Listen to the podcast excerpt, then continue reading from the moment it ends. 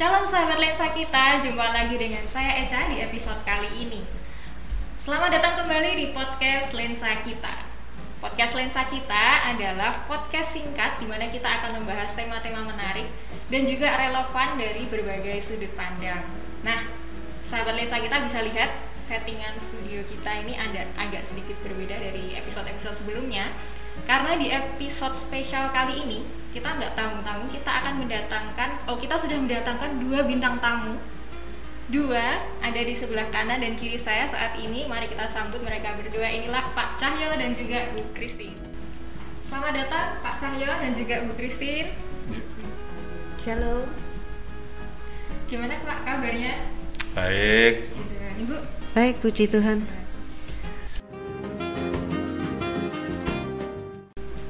Sebagai dasar tema di bulan Februari ini yaitu 1 Yohanes 3 ayat 18. Anak-anakku, marilah kita mengasihi bukan dengan perkataan atau dengan lidah, tetapi dengan perbuatan dan dalam kebenaran. Nah, kita penasaran nih, Pak Cahyo dan Bu arti kasih atau mengasihi eh, menurut Bapak Ibu itu seperti apa?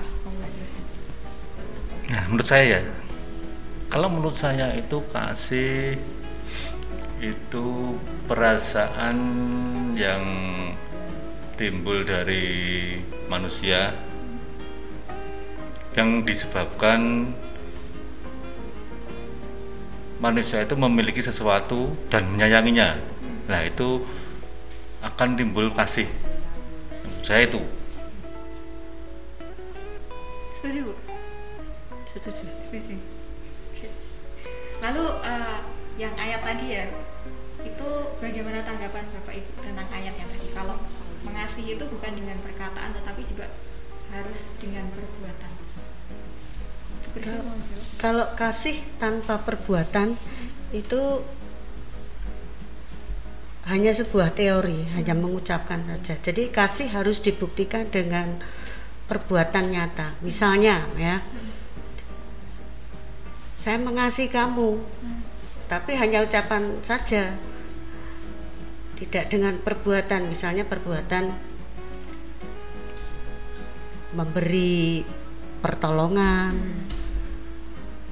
Ketika sakit kita menengok merawat. Itulah salah satu wujud perbuatan nyata daripada kasih itu. Dan masih banyak contoh lagi yang bisa kita wujudkan mengenai kasih dalam perbuatan jadi kasih tidak hanya sebuah teori Hmm. tapi harus dibuktikan dengan perbuatan di dalam kehidupan kita sehari-hari.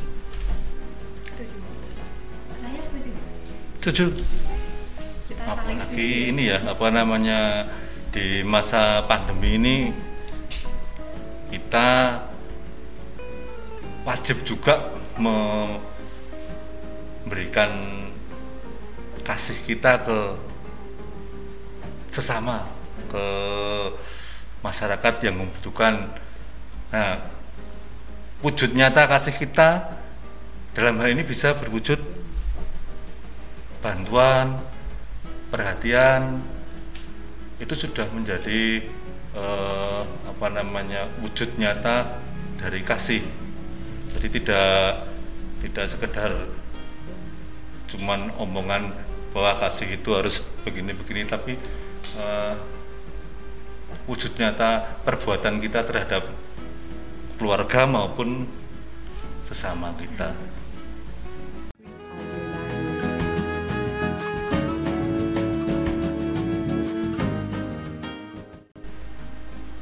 Kita pastinya juga penasaran nih Pak Cahyo dan Bu tentang praktek mengasihi di dalam keluarga itu seperti apa, terutama di dalam keluarga Pak Cahyo dan Bu Christine. Sudah menikah berapa lama? 15. 16 16 apa 15? 16 Tahun ini 16. Iya. Tahun ini 16. Jidok ya Pak, 16 tahun ya. Nah tentunya di 16 tahun dan bahkan masa-masa sebelum menikah pun itu eh, pasti ada cerita tersendiri tentang kasih atau mengasihi juga. Terutama sekarang sudah terbentuk, eh, sudah memiliki keluarga sendiri. Nah saya saya sebagai orang yang belum menikah, belum berkeluarga, saya juga penasaran Pak. Jadi sebenarnya kendala terbesar dalam mempraktekkan kasih di dalam keluarga itu seperti apa? Monggo. Coba mama kendala terbesar dalam kita menjalankan kasih yaitu kalau tidak ada satu misalnya komunikasi Hmm. tidak ada rasa percaya pada suami kita atau istri kita. Dan juga kendala kasih itu kalau ada perbuatan salah di antara kita kita tidak bisa mengampuni.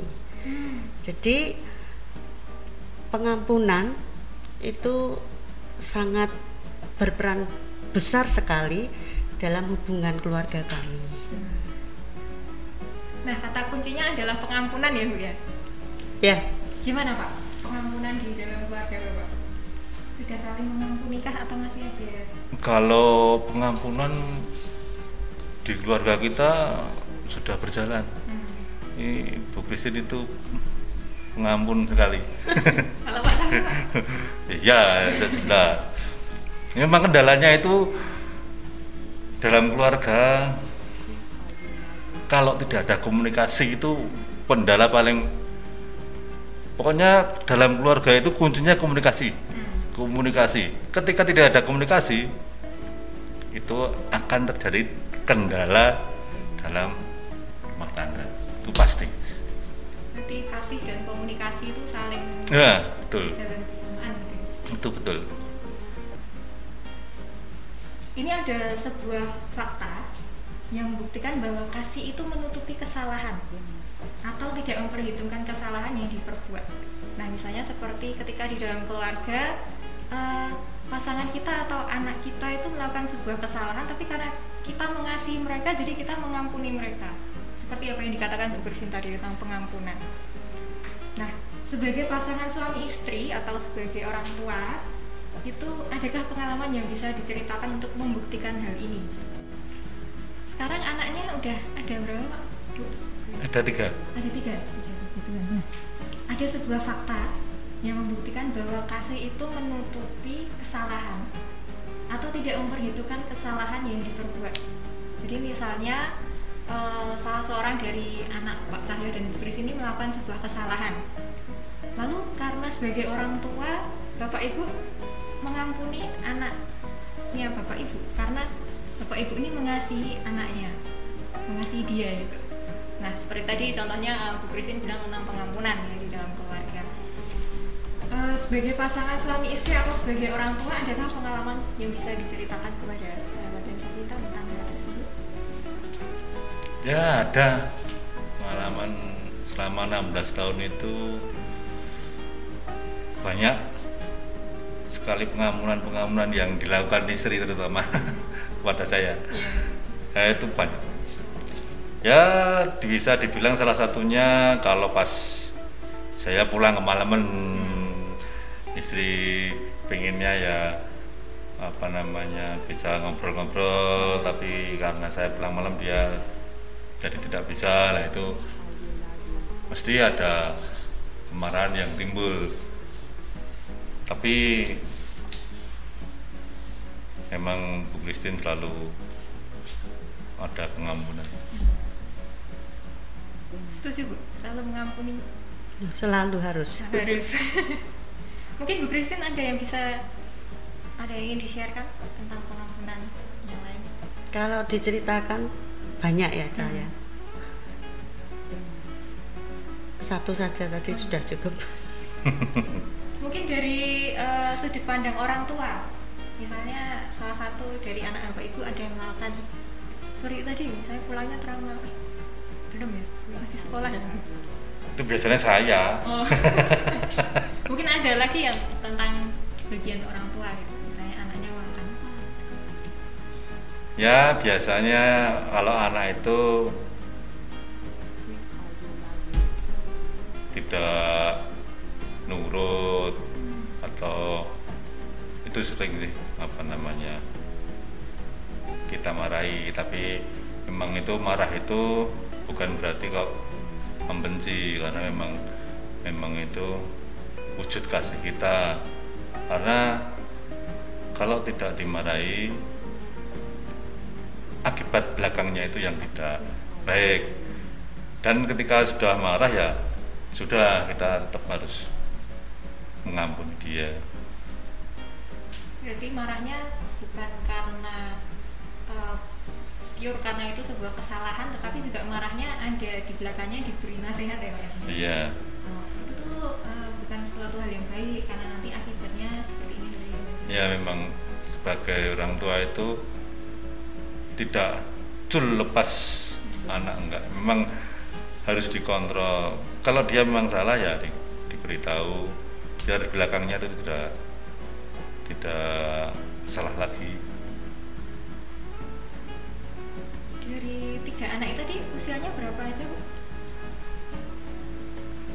15, 12 sama 5 tahun. 15, 12 sama 5 tahun. Nah kita penasaran untuk yang usia 5 tahun paling kecil ini gimana sih caranya untuk memberi pemahaman tentang kasih gitu sebagai anak 5 tahun? Mungkin dari ya kalau pada anak-anak saya lebih cenderung ke percontohan. Jadi saya sama istri memberi percontohan biar anak itu juga ikut apa yang diperbuat orang tuanya. Jadi wujud nyata kasih kita itu kita perlihatkan ke anak biar anak itu juga ada pelajaran tentang kasih dengan perbuatan orang tuanya seperti itu. Setuju bu? Atau ada yang ditambahin lagi? Kalau saya mengajarkan anak-anak tentang kasih itu hal yang sangat sederhana yang harus saya tanamkan ya. Misalnya anak-anak satu sama lain saya katakan kamu sama saudara harus saling mengasihi, harus saling tolong menolong, tidak boleh berkelahi, tidak boleh bertengkar, harus saling membantu. Kalau ada satu di antara kalian yang salah, kamu harus minta maaf. hmm. Itu hal yang sangat sederhana yang saya tanamkan tentang kasih dalam keluarga terutama untuk anak-anak saya.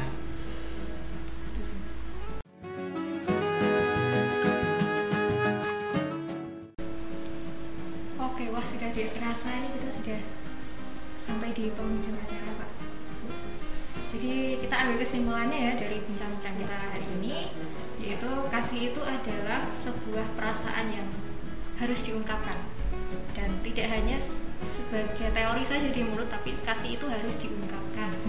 Nah, ketika di dalam keluarga sebagai pasangan suami istri maupun sebagai orang tua, memang ada kendala ya di dalam keluarga contoh-contohnya untuk mempraktekkan kasih itu. Tetapi ketika komunikasi itu dilakukan dan juga adanya pengampunan, kasih itu pasti akan terpancar eh, antara sama anggota keluarga bahkan kepada orang-orang di sekitar. Lalu eh, ketika orang yang kita kasih di dalam keluarga misalnya itu melakukan sebuah kesalahan, otomatis ketika kita mengasihi mereka, otomatis pengampunan itu akan terjadi dengan sendirinya.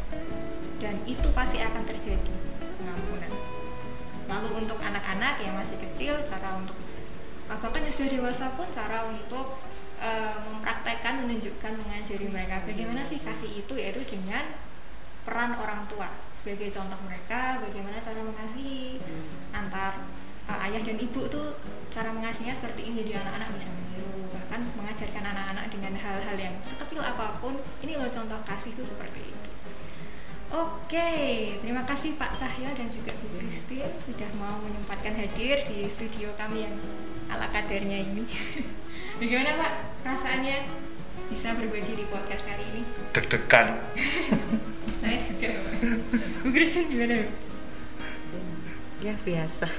biasa oh udah biasa oke sih terima kasih juga untuk sahabat lensa kita yang sudah setia uh, mendengarkan podcast dan nonton dari awal sampai akhir jangan lupa untuk selalu pakai masker cuci tangan Jaga imun, dan juga jaga iman ya selalu berdoa ya jaga jarak oh iya ini seperti jaga kita jarak ya. juga.